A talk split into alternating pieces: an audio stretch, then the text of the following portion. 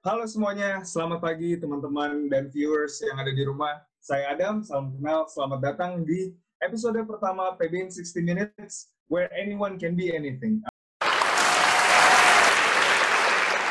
Uh, acara ini diselenggarakan oleh HMPS PBI, uh, Mas, Himpunan Mahasiswa Program Studi Pendidikan Bahasa Inggris, Fakultas Pendidikan dan Bahasa, Universitas Unika Atmajaya, Jakarta. Nah, untuk viewers, sebelumnya apa sih PBI in 60 itu? Jadi PBI in 60 Minutes itu adalah program talk show dan podcast yang akan dilaksanakan sepanjang kepengurusan, di mana kita akan membahas pengalaman, cerita, maupun berita-berita terkini bersama tamu kita yang adalah dosen, alumni, maupun mahasiswa lainnya. Nah, tapi sebelum itu, jika kalian ingin tahu lebih banyak mengenai Atma Jaya seperti pendaftaran, pilihan program studi, uh, opsi beasiswa, maupun bagai, uh, maupun banyak hal lainnya, bisa langsung dikunjungi di www.atmajaya.acid. Atau jika kalian ada pertanyaan lebih spesifik, bisa langsung di kontak nomor di sini nih, ya kan? Kalau nggak kelihatan, nanti bisa diedit. 62 812 9898 8960. Oke. Uh, lalu juga uh, lewat nomor telepon ini kalian nggak perlu lagi ke Atma Jaya karena mengingat kondisi kita yang memang lagi berhalangan karena ada COVID-19 ini jadi kegiatan di kampus emang harus dibatasi jadi bisa kalau ada pertanyaan bisa langsung dikontak ke nomor telepon atau bisa langsung kunjungi website tadi. Nah, tanpa berlama-lama nih, jadi di depan layar saya sekarang uh, kita kedatangan tamu nih, tamu spesial yaitu seorang pengajar dari PBI sendiri yang sebelumnya juga menjadi TEDx speaker UAJ 2019. Jadi tanpa berlama-lama langsung saja kita panggil, please welcome Profesor Marta Yuliana. Profesor. Hi, hi Adam. Thank you. Halo, Thank you for the introduction. Oh, yeah, yeah. Uh, thank you atas waktunya. Um, I'm very honored uh, to be in this program ya. Uh, I hope that we can share. Kita bisa berbagi dengan teman-teman yang mendengarkan uh, di mana pun mereka berada sekarang. Nah, uh, bagaimana nih sebelum kita mulai kabarnya Bu Ana atau kita manggilnya Mem Ana nih biar teman-teman viewers di rumah juga tahu. Marta. Bu Marta ya kita iya, manggil. Ya, uh, uh, uh, oh. Keadaan baik-baik aja ya. Uh, saya uh -huh, biasanya uh -huh. tidak serapi ini. biasanya di rumah karena Zoom semua uh, ngajar juga lewat Zoom uh, dan lewat uh, Teams ya. Jadi biasanya uh, cukup santai. Um, kalau saya pribadi sebenarnya saya lumayan enjoy sih Adam, jadi lumayan uh -huh. enjoy di masa pandemi itu nggak harus ke mana-mana ya, uh, karena walaupun nggak ke mana-mana, we can still get things done gitu. Jadi banyak yang ah, bisa okay, tetap okay. kita lakuin gitu. Kan. Berarti kan. kalau boleh dibilang kayaknya nih ada ya hobi baru gitu yang muncul karena Oh iya banyak banyak. Apa tuh? Boleh mungkin diceritakan ke uh, di rumah ini. Mungkin yang pasti uh, karena saya punya anak kecil juga di rumah, -huh, jadi sekarang tiba-tiba hobi masak, ya kan? Uh, oh, karena. Uh, uh, karena kalau misalnya uh, tiap hari harus order di luar kan lebih uh, ada resiko ya. Jadi oh iya betul betul sekali. Uh, hobi masak, terus mulai hobi menanam. Oh, berarti ada tempat dong nih kayak kayaknya di ya, rumah kayak ada tempat ada, gitu ya. Iya, nggak besar sih, tapi bisa lah untuk nanam gitu ya. Jadi uh, jadi memulai uh, kalau kalau saya pribadi sih pengennya kita tetap produktif ya. Jadi kalau misalnya nah, nggak bisa keluar, tetap bisa produktif kok gitu. Terus uh, saya juga mulai sering-sering ngedit-ngedit video gitu ya. Kebetulan uh -huh. di di pekerjaan yang sekarang di apa Eh, di daycare itu kita lagi banyak program yang jalan. Jadi akhirnya banyak urusan editing video dan segala macam gitu. So uh, just keep yourself busy in this uh, time of pandemic. Nggak berarti terus kalau misalnya nggak keluar rumah terus nggak produktif gitu. Nah, setuju banget ini kalau kata-kata Bu Mamta ini. Emang emang semua semua ini viewers teman-teman di rumah juga kita harus tahu ya namanya emang lagi stay at home begini bukan berarti kita harus malas-malasan ya Bu ya? True, ya, benar. Nah, oke, okay, mungkin boleh Bu Marta sedikit cerita nih ke teman-teman di rumah yang lagi menonton viewers. uh, mulai kapan sih uh, pertama kali menjadi dosen tuh pada tahun berapa ya Bu? Terus okay. mengajar mata kuliah apa sih di Atma Jaya ya? sendiri? Uh -uh. Oke, okay. sebenarnya uh, mungkin uh, kalau cerita Adam agak panjang ya karena uh, saya itu um, termasuk orang yang profesinya berpindah-pindah gitu dan berbeda-beda. Oh. Jadi waktu saya lulus uh, dari Atma Jaya udah lama itu ya, saya mulai uh, ngajar waktu itu. Uh, kebetulan zaman saya dulu anak S1 masih boleh ngajarin anak S1. Jadi saya waktu itu udah ngajar uh, di BINUS dan juga mm -hmm. di Atma gitu ya.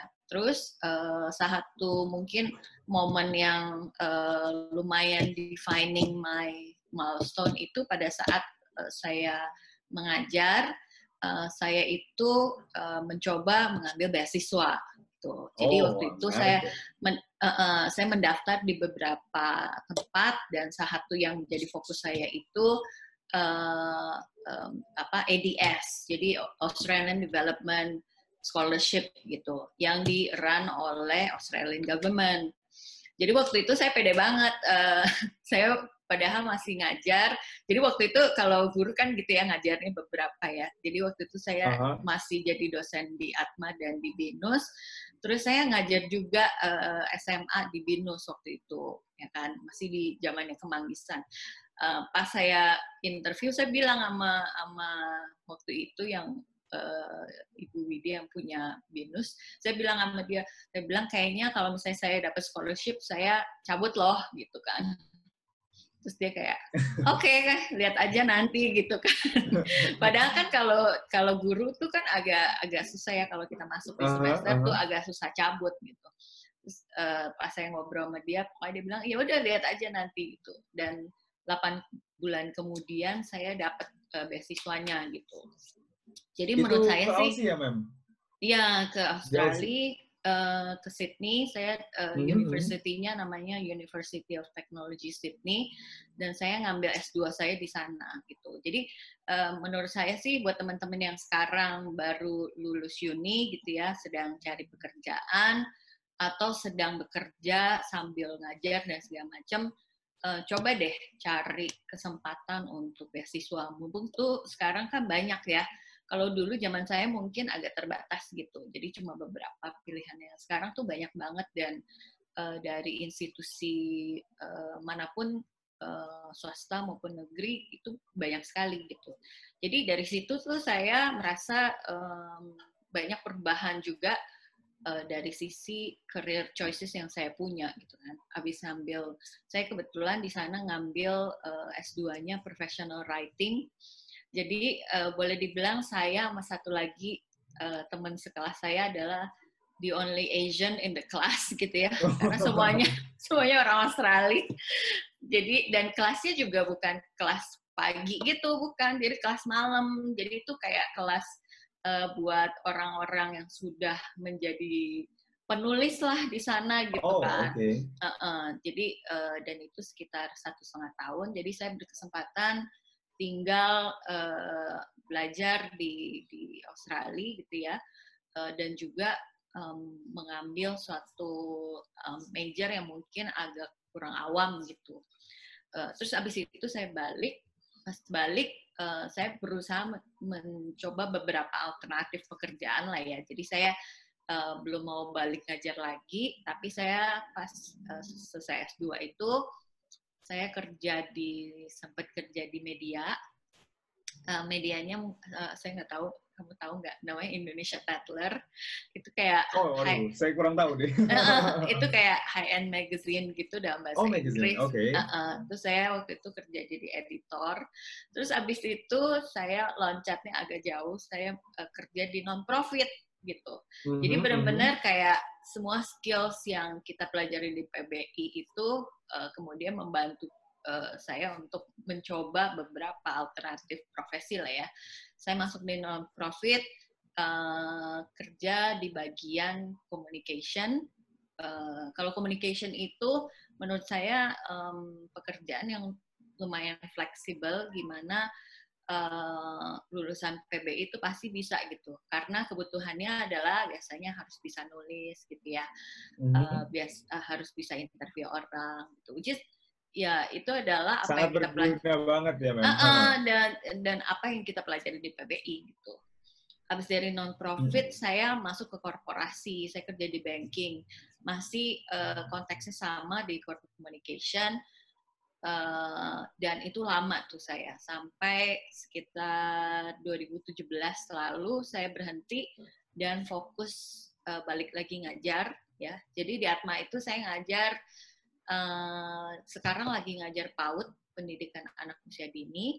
Karena kebetulan saya punya uh, bisnis bersama teman-teman saya saya punya daycare dan playgroup jadi uh, sekarang uh, ada daycare dan playgroup plus ngajar di Atma uh, dan semester semester semester lalu tuh saya ngajar public speaking di sini sama uh, something to do dengan media deh pokoknya kayak English for journalism gitu Oh iya, oke. Okay. Gitu. Oh itu kayaknya elective course ya, Mem? iya Oh, elektif oke. ya ya ya ya jadi kalau misalnya yang mau aja gitu kan oke Mhm. Jadi mungkin itu sedikit background tentang saya. Uh, mungkin dari yang saya mau share hari ini tuh lebih pengalaman sih, maksudnya pengalaman selama uh, berapa puluh tahun ini uh, berkarir gitu ya. Kira-kira kalau misalnya teman-teman baru mulai tuh mulainya dari mana ya gitu. Lebih kayak gitu sih. Nah, berarti kalau boleh kita cerita ke teman-teman semua yang nonton ini, berarti boleh dibilang kalau Mem itu banyak pengalamannya di bidang komunikasi ya. Berarti Ya. suka gitu untuk bicara sama orang, untuk komunikasi, kenal sana sini, atau gimana tuh Mem? Eh, sebenarnya eh, kalau menurut saya bukan masalah suka nggak suka ya, tapi komunikasi Aha. adalah sesuatu yang esensial dalam kehidupan kita gitu ya. Kita berkomunikasi itu eh, ke dalam segala aspek gitu ya. Di di rumah kita juga berkomunikasi dengan misalnya dengan anak kita berkomunikasi dengan pasangan hidup kita gitu ya. Di pekerjaan kita berkomunikasi dengan rekan kerja kita atau mitra kita atau partner kita gitu. Atau mungkin juga dengan uh, subordinate kita dengan anak buah kita gitu. Jadi memang uh, komunikasi adalah kemampuan esensial yang harusnya dipunyai oleh semua orang gitu Ah, ini Cuma dalam- saya setuju, saya Uh-uh. setuju banget. Ya, jadi eh, kalau misalnya di dalam pekerjaan apa pun, memang komunikasi itu perlu kita master ya. Eh, apalagi eh, komunikasi di depan publik misalnya gitu. Itu eh, itu juga sesuatu yang menurut saya kemampuan atau keterampilan yang memang harus kita selalu asah gitu. Nah, ini hal menarik sekali ya kalau dibilang soal komunikasi ya. Tapi kok dari komunikasi, kalau tadi eh, Bu Marta sendiri kan sudah menyinggung ya kalau ada soal daycare ya, itu bisa dijelaskan gitu nggak Bu? Motivasinya awalnya tuh untuk bisa membuat Mika Daycare ya kalau nggak salah. Bika DKR, Itu, ya betul. eh, eh, itu dari apa ya? Oke, Ah, ah. boleh saya sambil eh, share screen nggak? Oh boleh, boleh, boleh. Silakan, boleh boleh ya oke Iya, oke. Eh, karena eh, saya eh, demen menggunakan visual ya saya termasuk oke. orang yang cukup visual untuk untuk eh, cara komunikasi atau cara belajar gitu ya Eh, jadi kalau saya lihat visual semua tertata dalam framework tuh kayaknya lebih rapi Nah, oke. Ya, oke. Oke, Nah, bisa ini- bisa kita lihat di layar kita. Oke, Eh, ini adalah eh, sesuatu yang yang saya pelajarin eh, selama mungkin sekarang berarti udah 20 tahun lebih gitu ya. Dan moga-moga ini berguna bagi teman-teman yang nonton gitu ya. Ini menurut saya adalah eh, sejumlah profesi, not not limited to this, pastinya banyak yang bisa dieksplor lagi. Cuman kalau eh, pengalaman saya pribadi ini yang saya pernah cobain ya uh, choices of profession setelah uni, terutama setelah PBI gitu ya. Uh, nah menurut saya penting bagi uh, teman-teman untuk sudah merencanakan dari sekarang. Saya itu kalau lulus mau jadi apa gitu ya, atau mau bekerja di mana? Karena uh, we're now competing in the market di mana sangat-sangat uh, contracted. Uh, jadi maksudnya jobs uh, terbatas dan lulusan banyak ya. Jadi kita harus bisa mem menavigasi ini semua harus bisa mengatur supaya uh, kita itu begitu lulus nggak blank gitu. Saya mau ke mana gitu ya. Atau kita udah langsung tahu kalau saya tahu tujuannya, saya udah bisa planning dari sekarang gitu. Ini uh, ini pendapat saya. Uh, kalau kita lihat uh, skills yang kita udah pelajari pas di uni atau pas di PBI, sebenarnya banyak banget gitu. Mungkin uh, teman-teman nggak sadar ya karena pas pelajarinya tuh kayaknya masa sih ini berguna nantinya? gitu ya. Tapi ternyata berguna banget gitu. Kalau menurut saya ini adalah beberapa uh, skills yang saya dapat pada saat saya di PBI jadi bukan pada saat saya ngambil S2 ya tapi justru pada saat uh saya di S1 gitu yaitu um, yang pasti kemampuan untuk menulis gitu Uh, jadi sebelum saya masuk ke S2, saya itu diminta untuk bikin tulisan. Gitu. Uh, dan uh, skills itu, skills untuk bisa menulis dengan runut dan menggunakan framework itu saya sebenarnya dapatnya pada saat saya di PBI. Gitu ya. Jadi menulis menurut saya penting banget, karena pada saat kita bisa menulis, kita bukan cuma bisa menulis laporan gitu ya, tapi kita bisa menulis banyak hal gitu misalnya sekarang uh, sebagai kalau kita mau jadi youtuber aja gitu ya yang which is banyak orang maunya jadi youtuber sekarang um, kemampuan untuk menulis itu penting jadinya karena kan kita menuliskan suatu um, ide ya uh, pada ah, saat setuju. kita uh, uh, pada saat kita menuangkan um, menuangkan YouTube channel itu mau jadinya apa, menuangkan ide di situ kan pasti harus kita tulis gitu kan. Uh, saya mau ngomong apa nih, terus kira-kira ide yang saya mau sampaikan apa. Jadi menulis menurut saya skills yang sangat penting. Terus yang kedua skills yang saya dapat pasti PBI itu adalah uh, debate gitu ya. Uh, waktu itu saya juga ngajar bersama Miss Riri ngajar kelas ini, di mana kita mengajak uh, apa mahasiswa dan mahasiswi itu belajar uh, debating gitu. Uh, debating itu sebenarnya banyak berhubungan dengan critical thinking ya Adam. Uh, yeah. Bagaimana kita melihat satu um, perspektif, uh, suatu kejadian dengan perspektif yang berbeda gitu.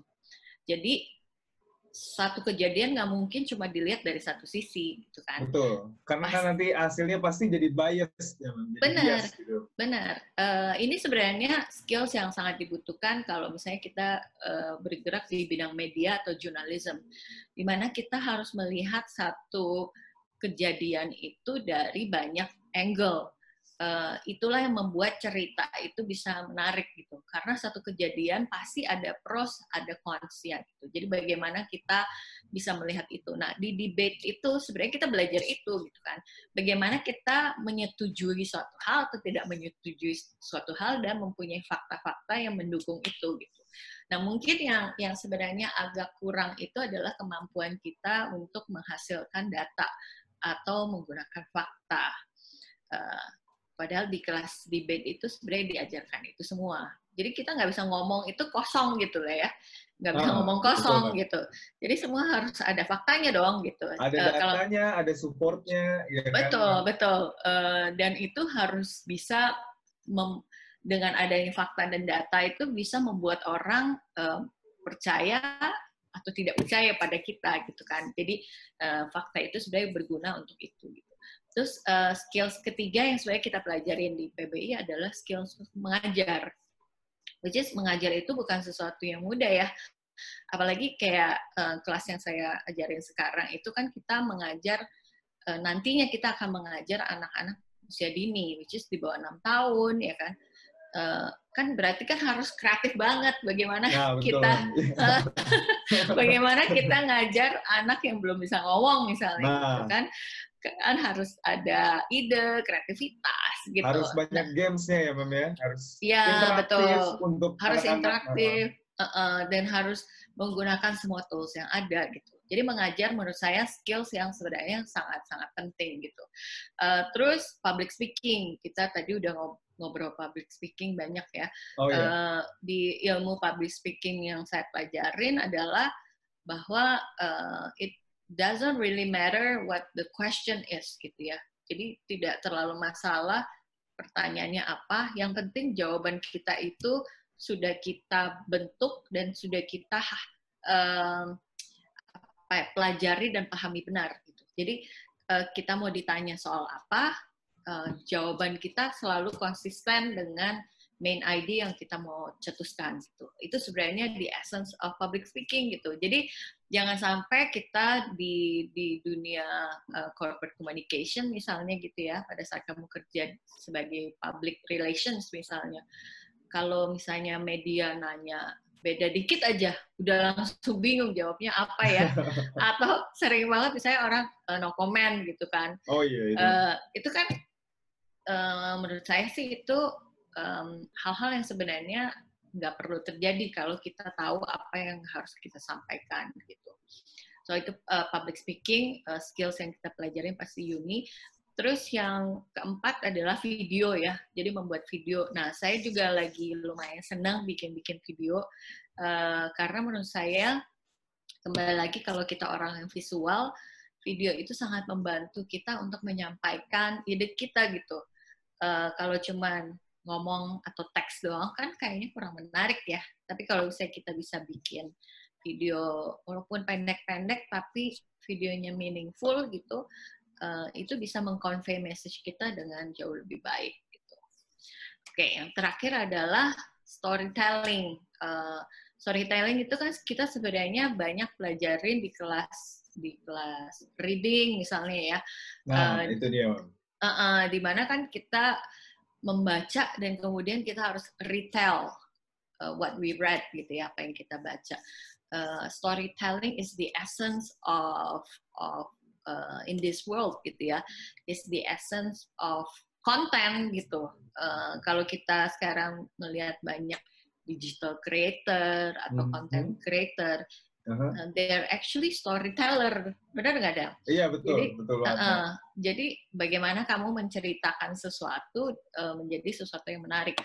Um, tadi uh, Adam sempat mention uh, tentang pengalaman TEDx saya gitu ya. Saya oh, itu iya. sah, uh, uh, saya satu sebagai speaker ya, Mem. Iya, uh, waktu itu bareng dengan Ahmad Jaya. Uh, saya itu orang yang lumayan sering nonton uh, TED videos ya. Uh, pokoknya uh, uh, banyak video di TED itu yang saya suka banget gitu ya di TED Talk. Nah uh, di salah satu TED Talk yang saya nonton, saya lupa pembicaranya siapa, tapi pembicaranya bercerita ada satu research yang mereka lakukan. Mm-hmm. Jadi ada seseorang dia membeli uh, banyak sekali barang di Amazon gitu ya. Dia beli tapi barangnya murah-murah kayak cuma satu dolar 50 sen gitu ya. Dia beli banyak sekali di Amazon. Uh, pokoknya dia habis sekitar 129 dolar kalau nggak salah ya. Kemudian dia me meminta tolong uh, komunitas uh, storyteller untuk membuat cerita tentang barang-barang yang dia beli. Gitu. Jadi barang-barang itu ada kalau nggak salah banyak deh, pokoknya ada 100 barang kalau nggak salah ya. Terus eh, 100 barang itu dia minta setiap barang diceritakan. Jadi diceritakan ya, uh, it could be something yang uh, sebenarnya nggak ada konteksnya gitu ya, cuman cerita mengarang aja gitu. Misalnya ada kayak pensil inilah, eh pen ini gitu, dia menceritakan bahwa pen ini adalah uh, dibikin dari kapan, ditulis oleh siapa gitu ya. Terus di uh, terus dia posting lagi di Amazon. Dia taruh lagi di Amazon. Pas dia jual harganya itu 10 kali lipat daripada yang dia beli. Wow. Itu ya. berarti waduh hebat juga ya selalu begitu ya. itu the power of writing berarti ya memang Iya, Bagaimana cara power, writing untuk bisa convince orang gitu mungkin? True, true. Jadi uh, dia bilang ini adalah the power of storytelling gitu. Uh, kalau kita uh, let's say barang yang sangat biasa aja gitu ya, misalnya buku gitu, tapi kita bisa menceritakan bahwa buku ini adalah uh, eco-friendly, terbuat dari ini, bahannya ini gitu. Ternyata orang tuh akan jauh lebih pengen beli gitu. Dan value dari barang itu hanya karena kita add story to it, it means a lot more gitu. So I think uh, right now skills yang kita harus punya adalah kemampuan untuk ngarang ya. untuk ngarang. dan halus ya, Mem. Iya. ya, karena akhirnya jadinya orang menjadi tertarik gitu kan. Kalau misalnya enggak kan barang yang sama mungkin orang jadi nggak tertarik gitu. Gitu. Nah, da- eh, terus dari dari skills yang kita punya, kira-kira profesi di luar sana apa sih yang yang available gitu ya? Eh, ini ada enam. Sebenarnya banyak lagi sih yang tadi yang saya sempat mention kayak digital Mhm. creator, youtuber itu kan semua profesi. Tapi kalau di sini saya ngambil yang skills based. Jadi maksudnya yang memang ada keterampilannya yang harus kita punyai ya. Em, yang pertama copywriter, editor, writer. Kalau kita mempunyai kemampuan untuk menulis, jadi kalau kamu tahu eh, di kelas writing kamu dapatnya nilainya bagus-bagus dan eh, dosen-dosen kamu muji ide kamu bagus gitu ya that could be something that you explore gitu. Dan you don't necessarily have to work with anybody kan. Sebenarnya kamu nggak perlu kerja sama siapa-siapa kamu bisa eh, mulai dari bikin blog aja gitu kan. Dan sekarang juga karena masa pandemi blog menjadi sesuatu yang sangat eh, diperlukan gitu ya karena kan Iya, untuk info-info baru dan berita-berita ya, Mem ya. Betul, dan juga perspektif ya. Orang Ah, baca betul. blog itu kan dari sisi perspektif. Jadi bagaimana kita melihat sesuatu dari eh, angle yang berbeda gitu misalnya. Eh, terus kedua, ini salah satu profesi yang saya dalami cukup lama di corporate communication. Corporate communication apa sih sebenarnya? Eh, sebenarnya itu elemennya banyak sih. Intinya kita mewakili korporasi untuk berkomunikasi lah. Sebenarnya as, as simple as that ya. Cuman itu dalamnya bisa termasuk public speak, eh, public eh, public relations ya.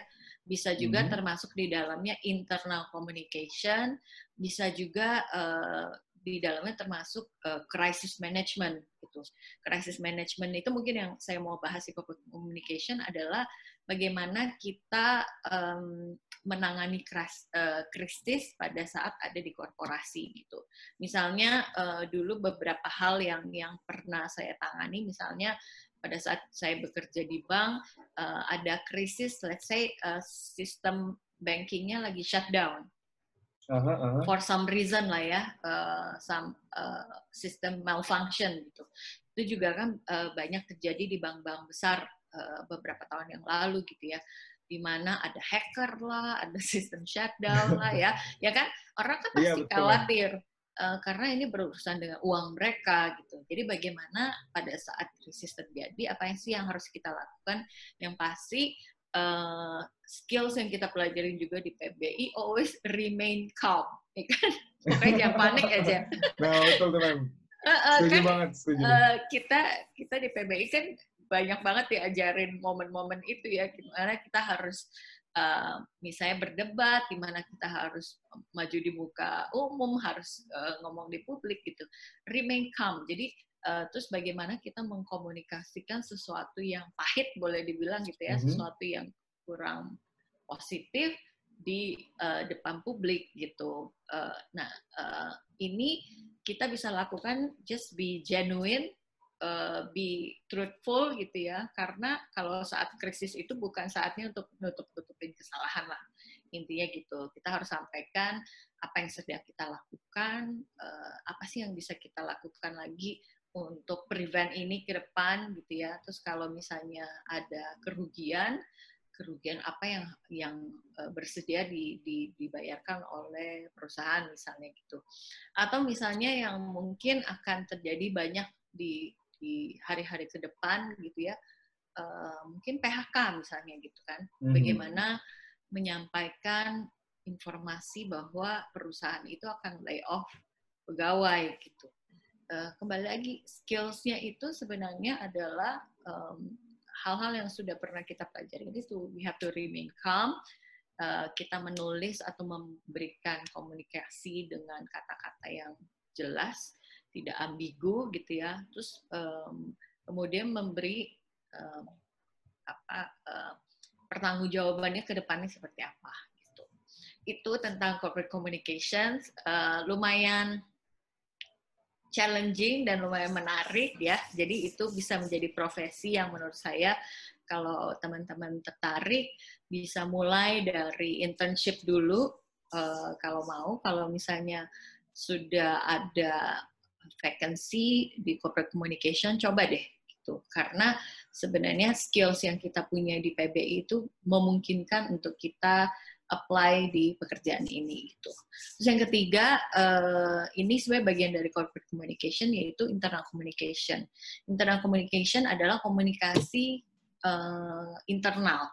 Jadi komunikasi kepada staff biasanya ya, kepada staff perusahaan. Uh, banyak proyek yang saya tangani di internal communication yang berhubungan contohnya dengan kayak misalnya perpindahan uh, kantor ya. Kita biasanya ada internal communication untuk itu.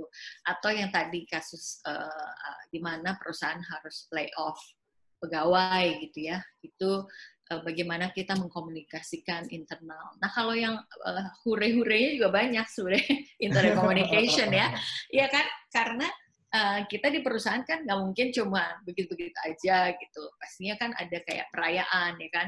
Uh -huh, Kalau uh -huh. uh, perusahaan berulang tahun misalnya yang ke-100 gitu atau ada uh, eh, CEO baru yang akan masuk, itu kan perayaan gitu kan. Atau kita mau melakukan uh, campaign internal misalnya. Uh, campaign apalagi di masa sekarang misalnya kampanye untuk hidup sehat ya kan? Uh, kira-kira apa aja sih ide-ide uh, yang bisa dilakukan untuk kampanye hidup sehat? Misalnya contohnya uh, perusahaan mengeluarkan beberapa informasi tentang uh, cara menjaga badan gitu. Contohnya dengan misalnya ada yoga class gitu ya. Atau misalnya bisa juga tips-tips uh, makan yang sehat jadi kayak resep-resep makanan atau bikin smoothies yang sehat gitu ya. Semua itu sebenarnya ada di dalam internal communication. Jadi bagaimana kita mengkomunikasikan di perusahaan tapi uh, stakeholders-nya tuh internal gitu. Nah, ini juga menarik sih, terutama biasanya internal communication tuh banyak uh, urusannya dengan campaign, banyak juga urusannya dengan events ya. Mungkin kalau sekarang eventsnya udah harus online events gitu ya. Oh iya memang. Kayak uh, uh, contohnya kayak kayak misalnya yang uh, Adam sekarang lakukan uh -huh, Yuda, ini sebenarnya internal communication ya karena ini uh, selain juga buat eksternal, tapi sebenarnya ini banyak untuk menyemat, menyemangatkan uh, apa teman-teman di PBI maupun alumni supaya tetap um, produktif lah di masa pandemi gitu kan ya. Ide besarnya gitu.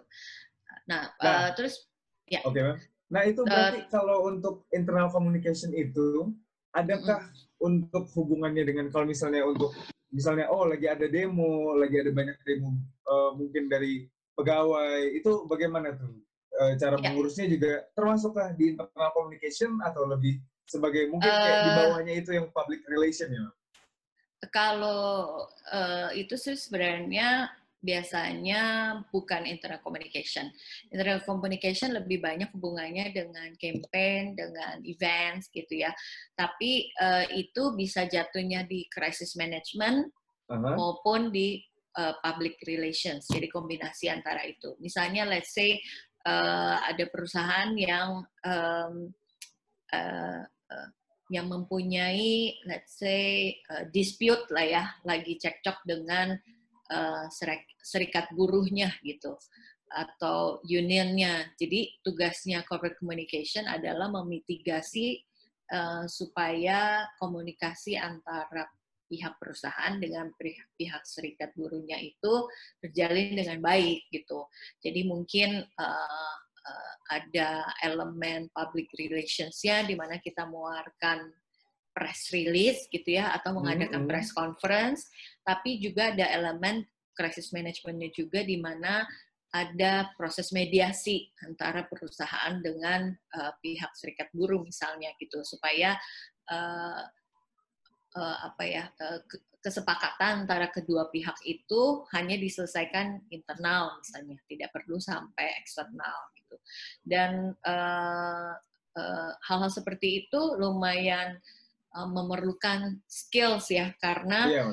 uh, di situ sebenarnya skills communication yang paling penting di mana cara kita berbicara kemudian cara kita menyampaikan usulan gitu ya terus kemudian cara kita menghadapi uh, uh, apa teman-teman uh, atau menghadapi pihak lain gitu ya uh, dan juga komunikasi dengan media gitu jadi misalnya mm-hmm. uh, kita tetap menginformasikan ke media uh, apa sih sebenarnya yang sedang terjadi di perusahaan ini tanpa uh, perlu menyembunyikan hal-hal uh, hal -hal yang yang menurut kita mungkin bisa uh, damage um, reputation, ya, uh, uh, damage uh, reputation of the company gitu. Jadi caranya adalah uh, seperti yang tadi saya bilang, benar-benar uh, we have to be truthful, jujur ya, uh, and also genuine gitu. Jadi apa yang kita sampaikan itu memang uh, apa adanya, bukan uh, ada apanya gitu ya. gitu sih. Uh, itu public relations gitu. Um, jadi area ini uh, pada saat awal masuk mungkin masih meraba-raba gitu ya pastinya, tapi as you um, explore gitu ya, as you go along pasti um, keterampilan kamu sendiri itu pasti akan bertambah. Karena itu memang kemampuan kita untuk berkembang on the job gitu ya. Uh, kita harus bisa belajar justru pada saat kita bekerja gitu. Learning by doing berarti ya, Mem ya? Ba banyak juga bagian itu, tapi skillsnya kita udah harus punya gitu ya. Ah, harus sudah tetap ada esensinya sendiri ya, Mem? Uh -uh, karena kita nggak bisa masuk tanpa ada apa-apa ya. Kita harus uh, bisa betul. masuk dengan uh, saya bisa berkomunikasi dengan baik gitu ya, dengan orang lain dan juga dengan media misalnya atau dengan staff. Saya bisa menulis atau menyampaikan kalimat dengan jelas gitu ya. Saya bisa menjelaskan sesuatu yang kompleks menjadi sesuatu yang mudah. Nah, itu kan uh, skills yang sebenarnya uh, teman-teman harusnya sudah punyai kalau sudah lulus dari PBI gitu. Um, uh, dan kemampuan untuk remain calm gitu. Jadi um, di di pekerjaan saya saya pernah uh, di pengalaman saya kita pernah mengadakan satu lomba ya lomba yang cukup prestigious dan kemudian kita mengundang banyak media. Tempatnya juga udah keren gitu semuanya udah uh, looks wonderful. Attendance daripada media itu juga besar gitu ya. Di hari itu kita mengumumkan pemenang pemenang lombanya. Semua pemenang lomba itu datang kecuali pemenang utamanya. Pemenang utamanya masih stuck di airport di mana lah gitu. Uh, itu kan sebenarnya sesuatu yang very unexpected kan, tapi bagaimana oh, betul, bagaimana kita overcome itu dan tetap menjalankan uh, semua dengan baik sampai di akhir bahkan media nggak sadar kalau pemenangnya itu nggak datang sebenarnya gitu, uh, karena kita sudah sudah um, apa ya sudah membuat sehingga uh, uh, apa, banyak pemenang, ya mem ya uh, uh, kita jadi kita harus beradaptasi dengan situasi gitu ya dan membuat akhirnya dari urutan acara media itu tetap tahu pemenangnya siapa walaupun pemenangnya sebenarnya nggak hadir gitu jadi hal-hal seperti itu um, banyak kita belajar pada saat kita menjalankannya sih. Tapi skills harus kita punyai. Harus kita punya tetap ya, Mem. Ya.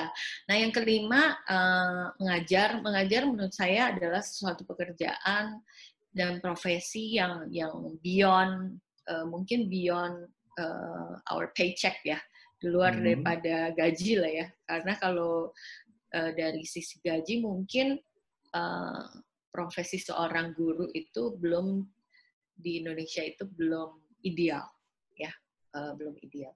Tapi uh, seseorang bisa menjadi guru karena dia mempunyai um, passion yang berbeda gitu. Uh, contohnya orang itu pasti suka berbagi. Dia pasti uh-huh. suka uh, membagikan ilmu gitu ya. Uh, saya punya saya punya kakak. Kakak saya juga seorang guru. Uh, kakak saya umurnya udah lebih tua lagi dari saya. Dan kakak saya sampai bilang gini uh, ke saya dia bilang at this point saya kalaupun nggak nggak dibayar pun saya mau berbagi dan saya mau mengajarkan gitu karena itulah uh, passion seorang uh, edukator ya, seorang pengajar gitu. Uh, jadi tujuannya adalah justru membantu orang lain membagikan uh, inspirasi kepada orang lain. Gitu. Nah, jadi guru menurut saya uh, adalah uh, opsi profesi yang bisa kamu consider ya. Uh, guru itu kan macam-macam ya. Ada uh, dosen gitu ya, ada guru juga di PAUD, di SD, di SMP, SMA, whichever level.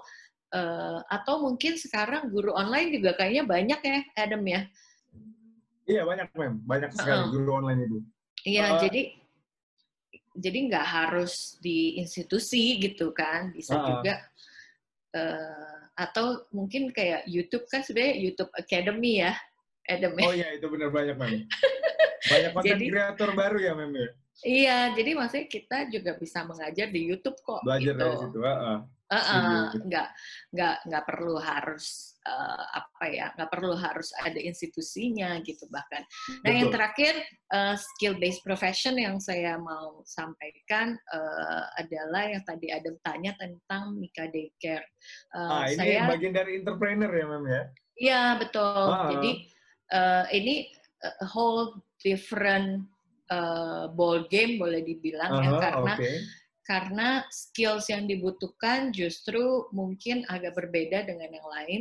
Skills yang dibutuhkan uh, sebenarnya lebih ke perseverance ya. Jadi uh -huh. uh, bagaimana kita tetap uh, um, apa tetap bertekad gitu ya dan harus tangguh dalam menghadapi segala cobaan ya kan. Kalau kalau entrepreneur atau pengusaha tuh begitu gitu. Jadi uh, kalau uh, satu cara nggak berhasil, kita harus bisa cari 10 cara lainnya gitu dan coba gitu. Uh, karena di situlah inovasi maupun uh, breakthrough itu dapat terjadi gitu. Nah skill yang kita dapat di PBI sebenarnya lebih uh, yang mempersiapkan kita adalah uh, kemampuan kita untuk misalnya menyelesaikan tesis gitu ya, yang kayaknya impossible, tapi once you persevere in it, kalau kita bertekun, uh, itu pasti bisa gitu. Nah pengalaman uh, saya uh, di Mika Daycare dan Playgroup sekarang juga kita melakukan perubahan dari bisnis model kita gitu, karena daycare itu belum boleh buka. Sekarang kita secara fisik masih tutup, tapi apa yang kita lakukan akhirnya kita mengembangkan program online uh, dan bukan cuma untuk individu tapi juga untuk korporasi gitu. Uh, jadi uh, tempat kami, center kami tetap berjalan, uh, orderan uh -huh. cukup banyak ya kan. Uh, bahkan di di bulan di bulan ini uh, kita kita ada sekitar produksi uh, kita sebutnya activity kit gitu ya. Uh, -huh. um, uh, 200 piece lebih lah gitu. 200 activity uh, kits tuh ya viewers. Yeah. Bisa bisa dijelaskan sedikit gak Bu apa ini apa activity itu ya? kits? Iya, okay. boleh. Uh, teman-teman viewers pada penasaran juga kan. Ya. Jadi um, sebenarnya activity kit adalah uh, activity uh, yang kita packaging untuk anak-anak uh, bisa belajar di rumah gitu. Kan sekarang trennya adalah uh, pembelajaran dari rumah ya. Kalau misalnya dia nggak bisa ke sekolah uh, dan dia harus online terus, kan pastinya tidak semua anak tuh terbiasa nih dengan kelas online gitu. Jadi mereka harus dibantu dengan tools. Nah, activity kit itu adalah sebenarnya tools untuk membantu mereka. Uh, di beberapa bulan ini justru activity kit kita yang yang kita produksi itu um, banyak banget yang pesan uh, bulan dua bulan lalu itu kita ada sekitar 500-an order gitu ya. Bulan ini ada sekitar 200-an uh, bulan depan kita siap-siap lagi mungkin 700-an gitu. Jadi memang uh, wow. activity kit ini uh, peminatnya cukup besar dan uh, di dalamnya itu berisi ada kalau di paket kita ada lima kegiatan untuk uh, uh. Uh, untuk membantu anak-anak belajar di rumah gitu. Jadi kegiatannya bisa kegiatan kayak science gitu ya. Uh, terus ada juga kegiatan sensori karena kita mainnya di PAUD, jadi di dalamnya Oh, oke. uh, uh, kegiatan sensori, ada juga kayak permainan, tapi permainan yang uh, lumayan uh, tradisional dan harus dibuat dengan tangan gitu ya. Terus ada kegiatan prakarya dan yang terakhir ada uh, kegiatan masak gitu. Jadi pada saat orang menerima si activity kit itu, wah dia udah uh, cukup sibuk lah gitu ya untuk minimal seminggu ke depan untuk menjalankan uh, kegiatan dengan anaknya gitu. Jadi ya di di di entrepreneur mungkin pengalaman uh, kami lebih uh, kita harus cepat beradaptasi dengan keadaan satu, kedua Mhm, mhm. berinovasi mencari uh, kira-kira apa sih yang diperlukan orang gitu ya. Jadi walaupun keadaan pandemi kita tetap harus bisa mengeluarkan ide-ide yang uh, kreatif gitu kan. Dan yang ketiga uh, jangan pernah menyerah gitu. Itu paling penting banget untuk Nah, itu harus banget, Mem. skill Karena, entrepreneur. karena orang kalau ka- karena orang kalau udah menyerah duluan kan belum tentu bisa lanjut ke berikutnya, Mem ya. Betul, betul. Jadi udah Nah. stuck duluan gitu kan. Nah, Nah, tapi Mem, kalau saya boleh tanya nih, mewakili mungkin viewers-viewers yang lain. Eh, daycare itu acuannya apa sih, Mem? Maksudnya daycare itu tuh apakah itu preschool ataukah itu Oke. PAUD atau pres atau mungkin orang kenalnya kindergarten ya atau mungkin di bawah Ya. itu, Mem? Untuk Eh, sebenarnya umurnya? kalau eh, dari dari acuan pemerintah daycare Hmm. itu jatuhnya di PAUD atau pendidikan anak Oh, usia ya? dini, eh, eh, tapi sifatnya non formal. Jadi Hmm, kalau hmm. bahasa kalau bahasa Inggrisnya daycare, kalau bahasa Indonesianya kan sebenarnya adalah eh, tempat penitipan anak, ya kan? Iya.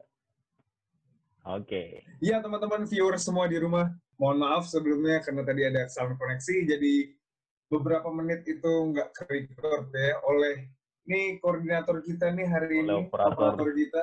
Coba oh, operator Babang Yuda nih, maaf karena Gimana ini kok kok Koneksi. bisa ya? Kok Ya, bisa dong. Koneksi ya? Soalnya kan Waduh. saya berhubung lagi Oh, ya. di luar Jakarta juga kan di Papua. Nah, Berarti emang hal kayak gini ya yang emang perlu disiapkan ya buat mahasiswa, buat siswa-siswa yang lainnya. Karena kalau tadi kita denger ya dari Bu Marta sendiri kan emang namanya belajar online itu kan emang perlu penyesuaian, bener nggak? Ya benar banget. Belajar OLED perlu penyesuaian. Yep. Bener nggak? Benar, benar. Benar, benar banget. Oke, nah itu penyesuaian apa sih kalau yang lu sendiri, yang lu rasain nih selama perkuliahan online ini deh, coba. Penyesuaian pertama itu ya seperti tadi koneksi.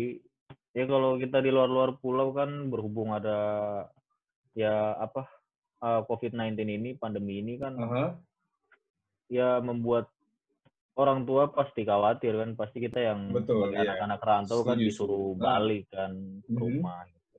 Mhm. Ya, jadi kalau yang rumahnya seperti gua di Papua gini ya mau nggak mau harus siap dengan kendala koneksi gitu soalnya kan Mhm, mhm. meskipun terbilang udah kota Jayapura tapi koneksinya tuh kadang kalau cuaca lagi Kadang emang buruk, nggak stabil ya aduh, ya? kadang emang nggak stabil ya Nah, itu kalau kalau penyesuaian sendiri nih dalam konteks belajar itu apa sih yang perlu disesuaikan nih dalam Nah, belajar ya? kalau kalau dalam konteks belajar kalau dari Papua ya Jayapura ya dengan Jakarta tuh kan perbedaan dua jam Hmm. tuh dua jam nah pasti tentunya gue di Ah, Jayapura ini lebih cepet dua jam ya lebih cepet pagi Iya. juga dong dan betul. juga kadang kan kelas jam 9 kan gue di sini udah ngantuk-ngantuk kan soalnya sudah jam 11 dong di sini udah Jam kan jam makan 11 pagi kok ngantuk. Jam 11 pagi kok ngantuk. Gimana itu ceritanya? aduh soalnya kan udah kebiasaan waktu Jakarta kali ya mungkin ya jam Oh iya 9 mungkin gitu kan. sih, makin mungkin ya. makin ke atas tuh makin kan Mhm. belum sarapan pagi juga ya kadang kan Iya, wah gitu. kalau nggak ada Gitu. sarapan Sulit ya, sulit ya. sulit sulit sulit Ah, banget Kalau nyesuaiin belum makan itu wah sulit ya. ya. Belum belum fokus gitu, belum Kon- fokus. konsen konsentrasi Ah. itu aduh nggak ada Nah, berarti emang kayak absensi gitu emang harus diperhatikan sih ya untuk harus terutama banget sih. saat emang masa pandemi gini kan semua emang mengharapkan ya dan kayak meng- Iya. mewajibkan lah untuk pakai internet gitu kan mulai dari Iya, absen mewajibkan. mulai dari absen tugas ngerjain kelo- kerja kelompok gitu segala macam kan emang harus online ya kan Iya, Jadi emang perlu sih banyak penyesuaian ya kan. perlu banyak penyesuaian dan gue rasa emang di saat pandemi ini seluruh seluruh alat elektronik dan apa koneksi internet lainnya tuh Hmm. emang sangat dibutuhkan banget diperlukan Heeh. banget. betul. Nah ini juga kalau kita nginget lagi kayak yang Bu Marta tadi bilang tuh peran guru itu penting ya. Peran guru Penting itu banget. penting. Nah apalagi kalau dalam kondisi kayak gini nih, ya nggak? Setuju nggak lu? Iya, Ya setuju kan? banget. Coba gimana maksudnya itu? Ya kan? Peran peran guru tuh sangat penting dalam kondisi gini ya. Itu soalnya tuh sebenarnya yang dibikin ribet sebenarnya tuh bukan siswa-siswi ya, tapi itu kasihan sama Hmm. gurunya gitu. Itu berperan sangat Oke. penting. Jadi berusaha sedemikian rupa merancang apa pembelajaran supaya apa siswa atau siswi mahasiswa mahasiswi itu tetap dapat membelajar apa mendapatkan asupan pembelajaran sesuai dengan Ah, yang kita betul. lakukan sebelum pandemi ini kan. Hmm. Soalnya kan kalau kita lihat kan pandemi ini kan apa mewajibkan kita harus bekerja dari rumah, belajar dari rumah. Ah, Nah, itu sebabnya kan guru juga harus mempersiapkan itu semua kan. Emang ah, emang nggak nggak 100% berjalan lancar karena ada kendala koneksi dan Mhm. sebagainya kan. Nah itu Tapi dia. Ah. nah itu dia, tapi gua rasa peran guru tuh maksimal sangat banget sih. iya sangat, Sangat. maksimal dan pokoknya Sangat. sangat emang makanya orang banyak yang bilang tuh kalau guru itu ta- tanpa tanda jasa ya Ya setuju nggak? benar, nah benar banget. nah kayak buktinya di momen-momen kayak gini aja tuh peran guru tuh penting bener ya karena Iya, kalau bener emang nggak ada guru atau nggak ada pengajar apalagi di masa-masa kayak gini ya kan eh, mungkin pembelajaran tuh jadi sulit ya kan Iya untuk siswa-siswa apalagi kayak untuk mungkin yang masih baru mau masuk sekolah ya kan preschool Iya gitu benar. Heeh, Betul, iya. perlu perlu banyak eh, inilah ya kan Iya. bimbingan gitu dari guru. Nah kalau di Iya. lu sendiri mungkin ada nggak kayak peran keluarga atau misalnya ada keluarga lu yang sebagai guru atau pengajar gitu? Yang kenapa menurut lu sih eh, guru itu beneran penting dan kayak krusial gitu ya? Iya. Coba. Kalau menurut gue pribadi ya dalam keluarga gue, Hmm, peran iya. guru emang sangat penting. Soalnya Hmm. kedua orang tua gue emang pengajar, berdua pengajar. Mhm. Nyokap gue sebagai guru di SMK, terus bokap gue sebagai dosen di Universitas Cendrawasih. Tahu kan Uncen kan? Universitas Hmm. Ya, Negeri. tahu. Nah itu kenapa sangat penting ya gue lihat sendiri. Soalnya dalam untuk mempersiapkan rancangan pembelajaran dan lain-lain, itu nyokap gue dan bokap gue tuh kayak bersikeras harus bisa ngelakuin gimana caranya supaya mahasiswa-mahasiswi itu tetap gak bolong dalam belajar.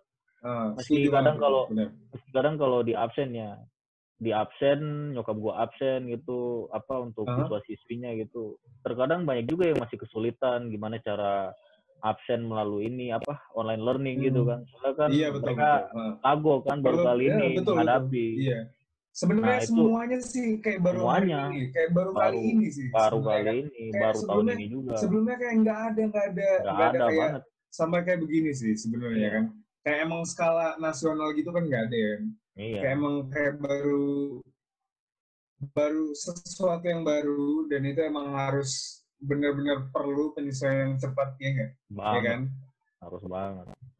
Nah dan juga dan juga gue sebenarnya ada sih kalau boleh dibilang emang keluarga gue sama sih Eh, nyokap gue juga guru guru Oh sekolah iya, dasar sama ya. malah lebih nah malah menurut gue sekolah dasar itu ya namanya guru sekolah dasar kan Hmm. buat anak-anak ya anak-anak Wah kecil itu ya. lebih Itu lebih emang- sibuk tuh pastinya. Nah itu lebih susah lagi itu lebih, Lebih sibuk, susah. benar. Lebih Soalnya kan lagi, mengurus benar. berbagai macam Karena- pelajaran kan. Heeh, benar benar karena pelajaran kan tematik kan jadi kayak satu Iya. buku mencangkup semuanya gitu kan. Mencangkup semuanya. dan itu emang benar-benar guru tuh eh, perannya mulia banget sih ya kan Mulia. emang harus benar-benar benar-benar dimaksimalkan sih terutama kayak dalam momen-momen kayak gini ya, ya kan? Iya. nah itu kalau gue ngeliat sendiri sih eh, nyokap gue itu emang dia sibuk ya kayak pulang sekolah juga masih harus ngeliat HP ngeliat kerjaan anak-anak anak-anak muridnya Hmm. bikin video apa harus ditonton dulu segala macam Iya. belum kalau misalnya ada connection problem gitu ya atau mungkin ada mungkin masih ada siswanya yang belum ngerti gitu cara ngumpulin gini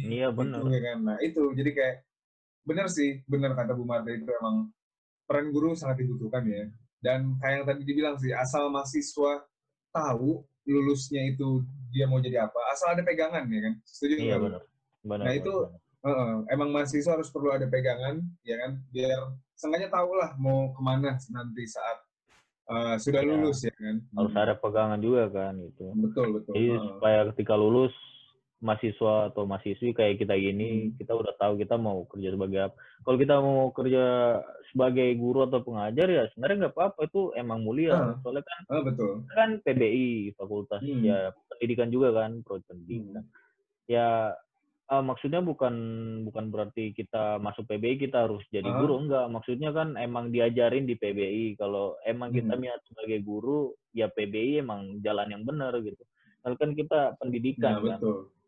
nah makanya Hmm. itu Dan di dalamnya tuh tadi- dan di dalamnya tuh Ah. juga jelas ya kan kayak tadi yang Bu Marta bilang aja ya kan jadi nggak cuma belajar soal eh, jadi guru ya kan tapi kita belajar Iya. juga public speaking kita belajar Public juga cara iya. communication ya kan kita belajar banget. komunikasi writing ya kan writing. Iya yang banyak menulis banyak banyak banget. banyak banget yang kita pelajarin di PB ini. Dan semuanya itu kayak bisa eh, menjalar lagi ke mana-mana kan. Jadi Iya. banyak aspek-aspek yang bisa suatu saat bisa kita terjun ke dalam aspek itu ya kan. Iya bener. Hmm. mungkin Nah, sekarang mungkin sekarang ya Hmm. mahasiswa ngerasain ya kayak susah gitu kan ah, PBI gini writing speaking Ah. listening lain-lain hmm, tapi iya. di balik semua itu itu adalah soft skill yang akan kita pakai nah iya betul nah itu gue setuju banget.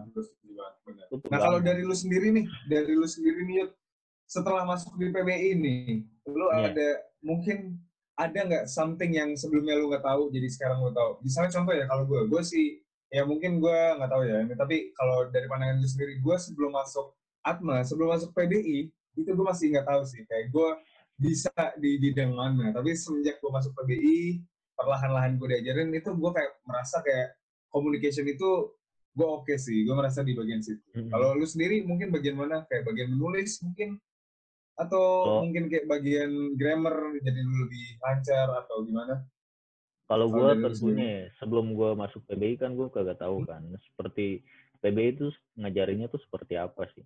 Nah pas Mhm. gue masuk emang ya namanya penyesuaian ya. Pasti kan Iya, rada-rada lo kok, Ah. kok seperti gini? Jadi bingung speaking seperti Ah. apa? Kan mewajibkan kan mahasiswa untuk ah betul. Tapi di balik di balik semua itu speaking kita juga terlatih listening dan Hmm. lain writing. Meskipun Pasti. belum seperfect 100% eh, 100% tapi itu di dalam situ kan kita udah dimuat. Maksudnya kita perlahan namanya belajar kan perlahan gak ada yang instan kan. Ah, membentuk betul. sendiri. Jadi gue ngerasa juga speaking gue dari awal gue masuk ya. Dari awal gue masuk tuh sempat ada juga yang bilang gue nanya kan speaking gue kayak gimana gimana? gitu. Terus teman gue bilang? "Lu kayak abang asongan gitu bahasa Inggris lu kayak you know I know aja gitu. Setelah setelah makin ke sini gue ngelihat perbedaan suatu perbedaan gue bisa speaking gitu meski nggak terlalu perfect tapi gue rasa ada peningkatan kan dalam diri gue gitu. Ah, betul. Yang penting kan peningkatannya kan progresnya ya nggak peningkatan cuy progresnya Nah, iya. betul ya. oke udah Sebelumnya, ya udah sekali lagi Tenang ya udah. eh, saya Adam Crescento minta maaf sebelumnya kalau ada salah-salah kata yang Saya sebesar besarnya terima Saya kasih juga untuk Bu Marta. Thank you. Mohon maaf juga atas uh, putus koneksi tadi karena Ah. cuaca buruk yang mengharuskan ya begitulah Iya, udahlah bisa santai ya. slow, slow. Ya, santai lah Ah, slow ya. oke. Nah, nggak ada yang bisa ditebak ya. Terima Oke. kasih untuk Bu Marta, eh, tamu kita atas hari ini, atas kesempatan dan waktunya ya, tentu untuk bisa bergabung di PBN 16 Minutes ini. Mau- semoga nggak capek-capek untuk diundang ke episode-episode selanjutnya ya mungkin. Nah, Sehat mantap. selalu untuk Bu Marta dan keluarga. Dan sukses juga buat Mika, Day- Mika Daycare-nya biar semakin berkembang ya pasti. Terima kasih Wah, untuk viewers-viewers di rumah yang sampai sekarang masih menonton. Eh, jangan lupa untuk selalu tonton PBN 60 Minutes di episode-episode berikutnya. Kapan nih kita ngarepin episode berikutnya nih? Dua minggu, tiga minggu lagi? Ya? Dua minggu, tiga minggu sepertinya. Nah, jadi oke. Akan ada jangan- episode yang menarik pastinya. Nah, jangan sampai kelewatan ya eh, di episode berikutnya yang pasti nggak bakal kalah asik dan pasti bakal sangat-sangat berguna dengan topik-topik baru lainnya, ya kan? Iya, benar Dan banget. Tidak lupa ayo berkuliah dan bergabung di Atma Jaya dan menjadi bagian dari mahasiswa PBI dengan pengajar yang profesional seperti contohnya Bu Marta. Lalu ketemu teman-teman seru, iya nggak? Yoi, banyak. Dan banget. mendapat dan mendapat pengalaman-pengalaman berharga cuy lain, ya kan? Juga Oke, jangan lupa benar. untuk cek Instagram PBI di @pbiwaj dan cek Instagram HMPSPBI di @hmpspbi underscore UAJ. Saya Adam Persanto, at Adam KRS 0. Mohon maaf yang sebesar-besarnya. Sekali lagi jika ada salah kata atau ada yang kurang berkenan. Sekali lagi terima kasih untuk tamu kita, Bu Marta. Uh, sekian sih dari saya. Uh, saya pamit undur diri. Maybe in 60 minutes, you can be anything. Terima kasih.